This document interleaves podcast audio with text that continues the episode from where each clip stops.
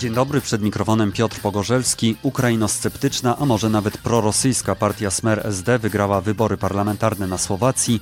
Co to oznacza? O to zapytam politologa, europeistę Cezarego Paprzyckiego z Uniwersytetu Warszawskiego, który obserwował na miejscu kampanię wyborczą. Dzień dobry. Dzień dobry, witam wszystkich. Partia Smer SD Roberta Ficy zdobyła ponad 23%, drugie miejsce zajęła postępowa Słowacja, głosowało na nią ponad 17% wyborców. Na trzecim miejscu mamy Chlas SD, byłego zastępcy Ficy Petera Pellegriniego. Oprócz tego w parlamencie znajdą się cztery inne ugrupowania, w tym prorosyjska Słowacka Partia Narodowa.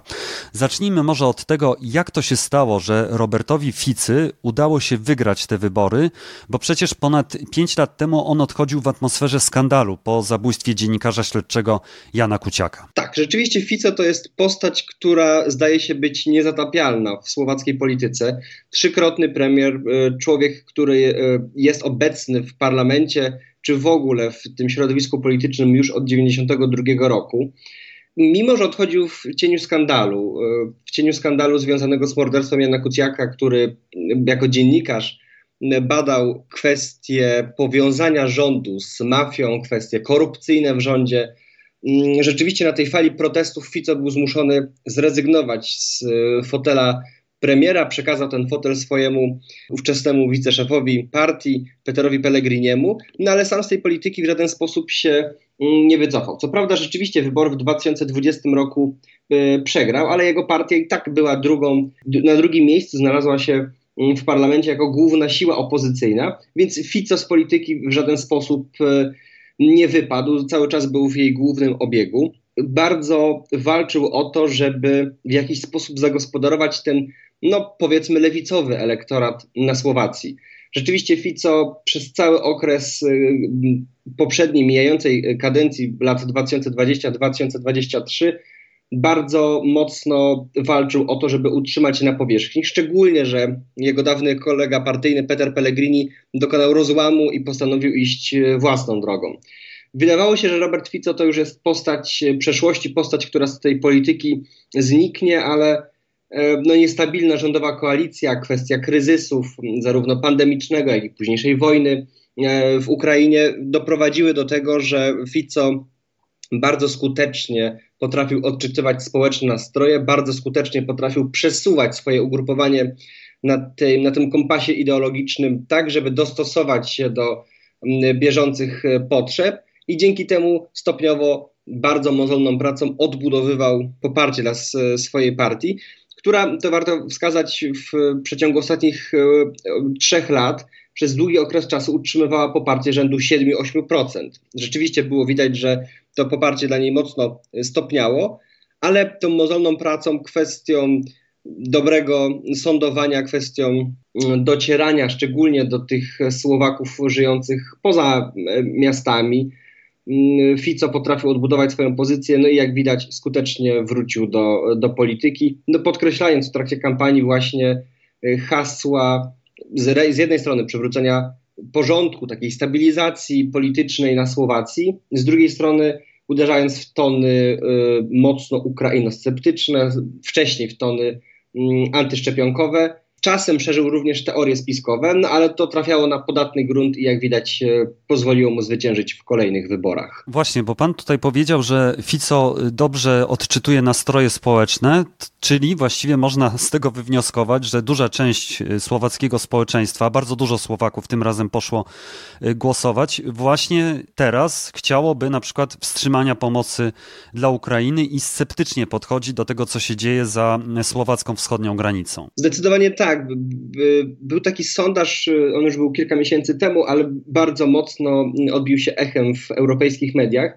To był e, sondaż określający strony w tym konflikcie i 51% Słowaków wskazało, że wolałoby, aby wojnę na wschodzie wygrała Rosja, co było dość szokującym wynikiem, biorąc pod uwagę z jednej strony to, że ta wojna toczyła, toczyła się wtedy dopiero od kilku miesięcy, z drugiej strony to, że rząd słowacki, rząd centroprawicowy bardzo wyraźnie pomagał Kijowowi, przesyłał zarówno pomoc humanitarną, jak i militarną, a większość Słowaków wskazywała, że jednak opowiedziałaby się po stronie Rosji, co wzbudziło szereg pytań dlaczego, skąd bierze się taka mm, mm, prorosyjskość w tym narodzie. No ale tutaj rzeczywiście trzeba mm, sięgnąć trochę głębiej do, do historii, do tego, w jaki sposób Słowacja kształtowała swoją państwowość, no bo to mimo wszystko jest państwo dość dość młode. No przed rokiem 93 samo, jakby samodzielna Słowacja nie funkcjonowała. Ona była wcześniej albo częścią Czechosłowacji, albo monarchii mm, austro-węgierskiej, albo rzeczywiście taki, taki, pierwszy zalążek, no to było to mm, faszystowskie marionetkowe państwo z okresu II wojny światowej pod przywództwem księdza Tisy. Więc ta państwowość słowacka była zawsze w jakiś sposób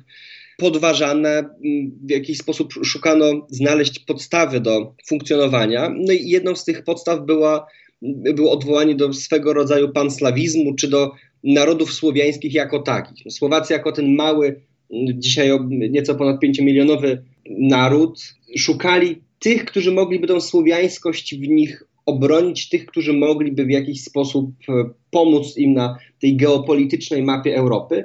No i tutaj naturalnym sojusznikiem od zawsze wydawała się Rosja. Rosja jako to państwo największe, państwo najsilniejsze, państwo e, słowiańskie. No i co, co, co też ważne, od, y, chociaż z dzisiejszej perspektywy wydaje się niezrozumiałe, no to jednak y, Węgrzy stanowili duże zagrożenie dla, dla Słowaków. Ta monarchia, silna monarchia węgierska rzeczywiście zawsze rościła sobie prawa do tych y, słowackich terenów, próbowała w jakiś sposób wynaradawiać Słowaków.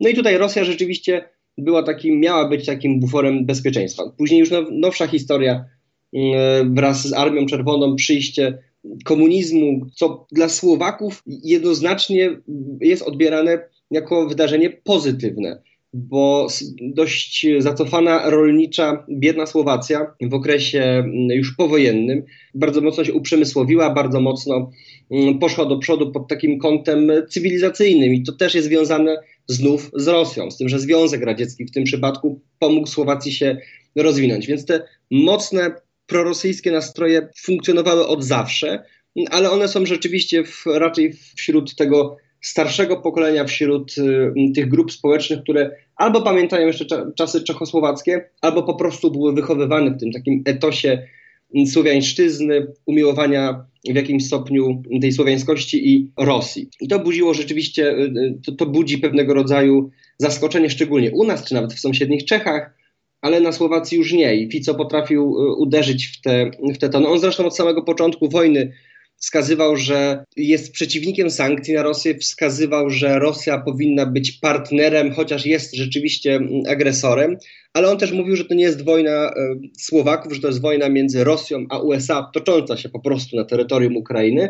I rolą Słowacji nie jest żadna interwencja. Rolą Słowacji jest y, przypatrywanie się, być może pomoc humanitarna, ale w żadnym stopniu interwencja. Rzeczywiście w trakcie kampanii to wybrzmiało, chociaż no, nie, nie był to y, jakiś, y, jakiś leitmotiv kampanii, bo, bo warto, warto jednak mieć na uwadze, że ta wojna już trwa długo i no, po prostu gdzieś z agendy czy to politycznej, czy medialnej zeszła, ale Fico uderzał w te tony również, bo po prostu padały one na podatny grunt, szczególnie na wschodzie Słowacji, gdzie, gdzie on ma największe poparcie. Wielokrotnie to mówił, że pierwszego dnia, kiedy obejmie y, przywództwo, kiedy obejmie po raz kolejny fotel premiera, nie pośle na Ukrainę ani jednego pocisku. No i cały czas y, to, to wybrzmiewało w mediach, bardzo często zachodnie media również to podkreślały, no ale tutaj warto mieć też na uwadze, że ta groźba może być delikatnie bezzębna, ponieważ Słowacja jednak zdecydowaną część tego mm, sprzętu, który już miała Ukrainie, przekazała. No i de facto nie miałaby nawet z czego za bardzo czerpać, żeby przekazywać dalej jakieś e, uzbrojenie. To prawda, na przykład oddała wszystkie swoje MIGI-29 Ukrainie, ale tutaj pojawia się inne pytanie, bo rzeczywiście Fico mówi, że po wygranej Smeru ani jedna kula nie trafi na Ukrainę, ale Słowacja także produkuje broń, którą sprzedaje Ukrainie i na której po prostu zarabia. W tych zakładach przemysłowych pracują Słowacy, którzy produkują broń przekazywaną Ukrainie. Czy w ogóle ten temat był poruszany? Cała ta dyskusja dotycząca wschodu czy polityki wschodniej nie odbywała się w żaden sposób e, w warunkach merytorycznych, jeżeli możemy w ogóle o takich mówić w dzisiejszych kampaniach wyborczych bo rzeczywiście mm, Fico uderzał w te tony antyukraińskie, wskazywał, że on, on że Smer i, i, jego ludzie to partia pokoju, partia, która będzie dążyła w jakiś sposób do mm, rokowań pokojowych między Ukrainą a Rosją.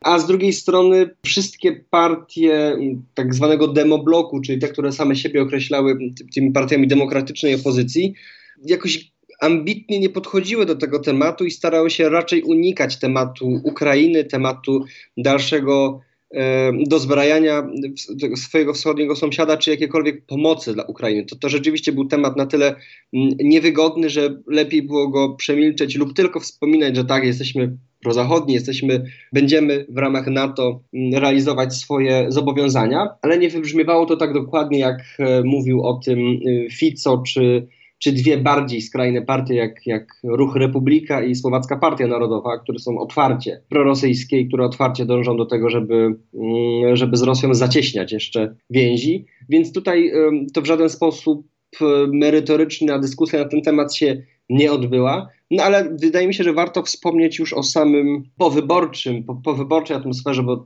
to, to też już obserwujemy od niedzieli, no i Fico bardzo długo wstrzymywał się z jakimkolwiek komentarzem do wyniku wyborów. On nie zabrał głosu w trakcie nocy wyborczej, nie rozmawiał z dziennikarzami.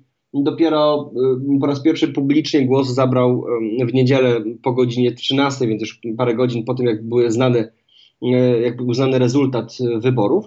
No i Fico przed wyborami, a Fico po wyborach to dwie kompletnie różne postaci. Rzeczywiście powiedział, że tak jak wcześniej potrafił nazwać prezydentkę amerykańską agentką, tak teraz mówił, że ma z nią po prostu inne poglądy.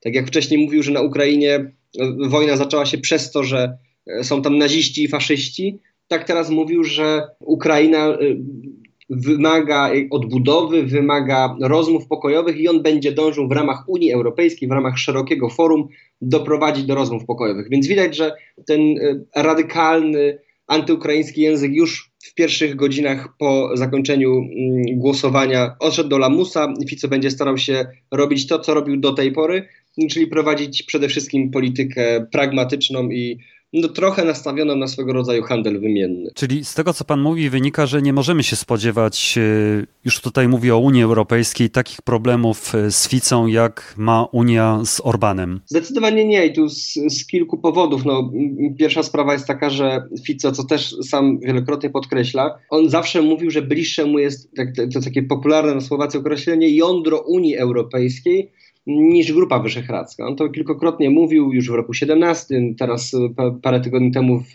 wywiadzie również to podkreślił. No on jako to jądro Unii Europejskiej rozumie bliską współpracę z Niemcami i z Francją.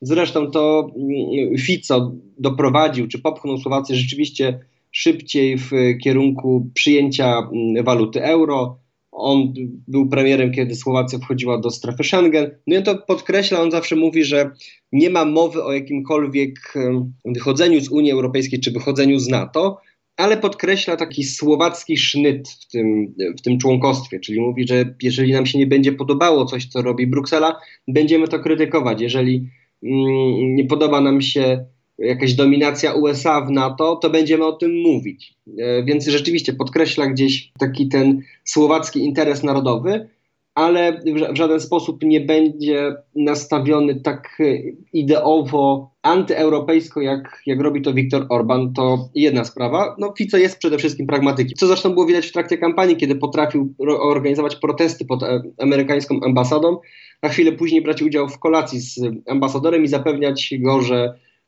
że jak najbardziej te, te, ten prozachodni kurs Słowacji będzie utrzymany. Z drugiej strony to jest kwestia słowackiej ordynacji. To też wyróżnia zdecydowanie bardziej Słowację od Polski czy od Węgier. Na, na, Słowacji praktycznie nie da się zbudować e, samodzielnej większości. Była w ciągu tej 30-letniej historii tylko raz. Miał ją oczywiście Robert Fico swego czasu, ale to, był, mm, to była kwestia tego, ile ugrupowań nie przekroczyło progu wyborczego. Normalnie da się, nie da się rządzić samodzielnie, trzeba budować szerokie koalicje. No i w tym przypadku mm, również y, powstanie taka koalicja trójpar, trójpartyjna, prawdopodobnie z mm, Peterem Pellegrinim, który stoi na czele partii Chlas SD, czyli Głos Socjaldemokracja. Mm, on jest zdecydowanie bardziej umiarkowany, wpisuje się w takie zachodnie standardy jakiejś centrolewicowości socjaldemokracji. No i z drugiej strony rzeczywiście e, słowaccy nacjonaliści z partii SNS, e, no ci są bardziej prorosyjscy, ale też mają raptem 10 posłów, więc to nie jest jakaś siła dominująca. Więc tutaj Fico zdecydowanie będzie ograniczony przez koalicjantów i przez sam system, ale też warto zwrócić uwagę na to, że Fico mówi coś innego na tej arenie wewnętrznej, coś innego rzeczywiście E, w kontaktach z Zachodem. No on miał taki, to, to też się odbiło dość szerokim echem. No, dwa tygodnie czy trzy tygodnie przed e, końcem kampanii wyborczej on udzielił takiego komentarza dla zachodnich mediów i wtedy powiedział, że e, uspokajał jakby opinię publiczną i szczególnie inwestorów zagranicznych, że spokojnie zaraz na Słowacji skończy się czas politycznego folkloru, jak nazwał kampanię wyborczą, przyjdzie czas stabilizacji, będzie można tu z powrotem inwestować, będzie stabilne mm, prawodawstwo, i tak dalej, i tak dalej. Więc widać, że on jednak traktuje politykę bardzo, bardzo barterowo, bardzo na zasadzie rzeczywiście pewnego rodzaju handlu y, wymiennego, mm, ale nie jest w żaden sposób tak ideowo mm, zacietrzewiony jak, y, jak niektórzy liderzy w Unii Europejskiej czy to rządzący, czy to opozycyjni.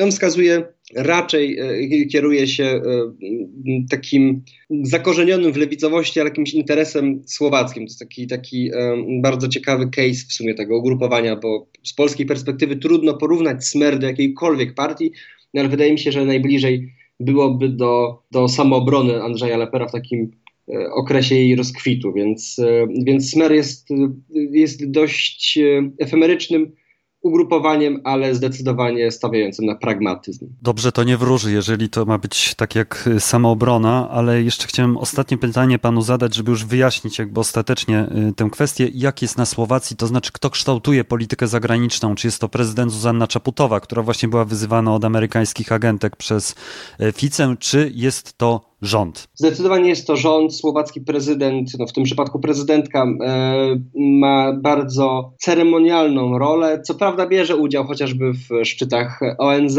ale, ale jeżeli chodzi o kwestie polityki, szczególnie europejskiej i polityki pozaeuropejskiej, to tam główną rolę, główne skrzypce zawsze odgrywa no w sumie rząd, premier, w tym, w tym przypadku możemy mówić rzeczywiście o, e, o premierze. No warto też zwrócić uwagę na to, że ta polityka, słowacka polityka zagraniczna może być delikatnie przeformułowana. Z jednej strony było widać, e, to już wczoraj wyraził swoją, swoje zadowolenie Viktor Orban z tego, że Fico prawdopodobnie wróci do władzy na Słowacji. Mm, co, co jest swego rodzaju chichotem historii, bo Fico przez wiele lat ostrzegał, jak to sam mówił, przed radykalnym, radykalnymi ekstremistami z Fidesu, więc widać, że tutaj też e, nastąpiła już pewna zmiana, bo Orban widzi w nim e, sojusznika na arenie europejskiej, Fico z kolei widzi w e, Brukseli swego rodzaju przeciwwagę dla Stanów Zjednoczonych, bo też gdzieś tam stara się grać tą antyamerykańską nutą. Ale to, co było ciekawe i co, co wydaje mi się też warto podkreślić, kiedy, kiedy byłem na Słowacji, przeglądałem się tej kampanii wyborczej z bliska, rozmawiałem też z, mm, zarówno z samymi politykami, jak i z e, komentatorami, publicystkami i tak dalej, no to oni podkreślali, że e, musimy pamiętać o czymś, na co nie zwracamy uwagi na co dzień, czyli że zarówno Fico, jak i Smer zdają sobie sprawę z tego, że Słowacja jest państwem stosunkowo małym, państwem e, mało ludnym, z raczej słabą gospodarką, więc no nie są w stanie jakoś samodzielnie kreować swojej polityki zagranicznej i zdają sobie sprawę z tego, że Słowacja musi być zakorzeniona w Unii Europejskiej, z tego, że Stany Zjednoczone to jest główny sojusznik na tej wschodniej flance NATO i oni zdają sobie z tego sprawę, wiedzą, że tak to y, funkcjonuje, ale jednocześnie mają z tyłu głowy to, że ich elektorat niekoniecznie myśli na co dzień tak o Stanach Zjednoczonych, czy niekoniecznie y, rozważa o jakiejś, y, jakiejś polityce europejskiej. Przez to Smer E, nie klaszcze Brukseli i Waszyngtonowi, ale z drugiej strony wie, że to jest oczywistość i to zakorzenienie Słowacji w zachodnich strukturach musi być trwałe, więc e, ta polityka, o ile będzie zapewne w jakimś stopniu przeformułowana, będzie bardziej stawiała na takie narodowe akcenty i, raczej na ten interes, tak jak to Fico mówi, interes Słowaków. On sam powiedział, że Słowacja ma ważniejsze problemy niż Ukraina obecnie. To też powiedział już po wyborach więc na pewno ta polityka w jakimś delikatnym stopniu zostanie przesunięta, ale przez to, że jest to rząd koalicyjny, przez to, że sam Fico jest pragmatykiem, nie spodziewałbym się jakichś rewolucyjnych zmian. Miejmy nadzieję, że tak y, będzie. Cezary Paprzycki, Uniwersytet Warszawski. Bardzo panu dziękuję. Dziękuję. Ja przypominam, że podcast Po prostu Wschód można wesprzeć na zrzutce i Patronite. Zachęcam też do zajrzenia na profile na Facebooku i Instagramie oraz na mój prywatny na Twitterze, a także na Spotify, gdzie można posłuchać muzyki w Radiu Wschód. Do usłyszenia, żegna się Piotr Pogorzelski.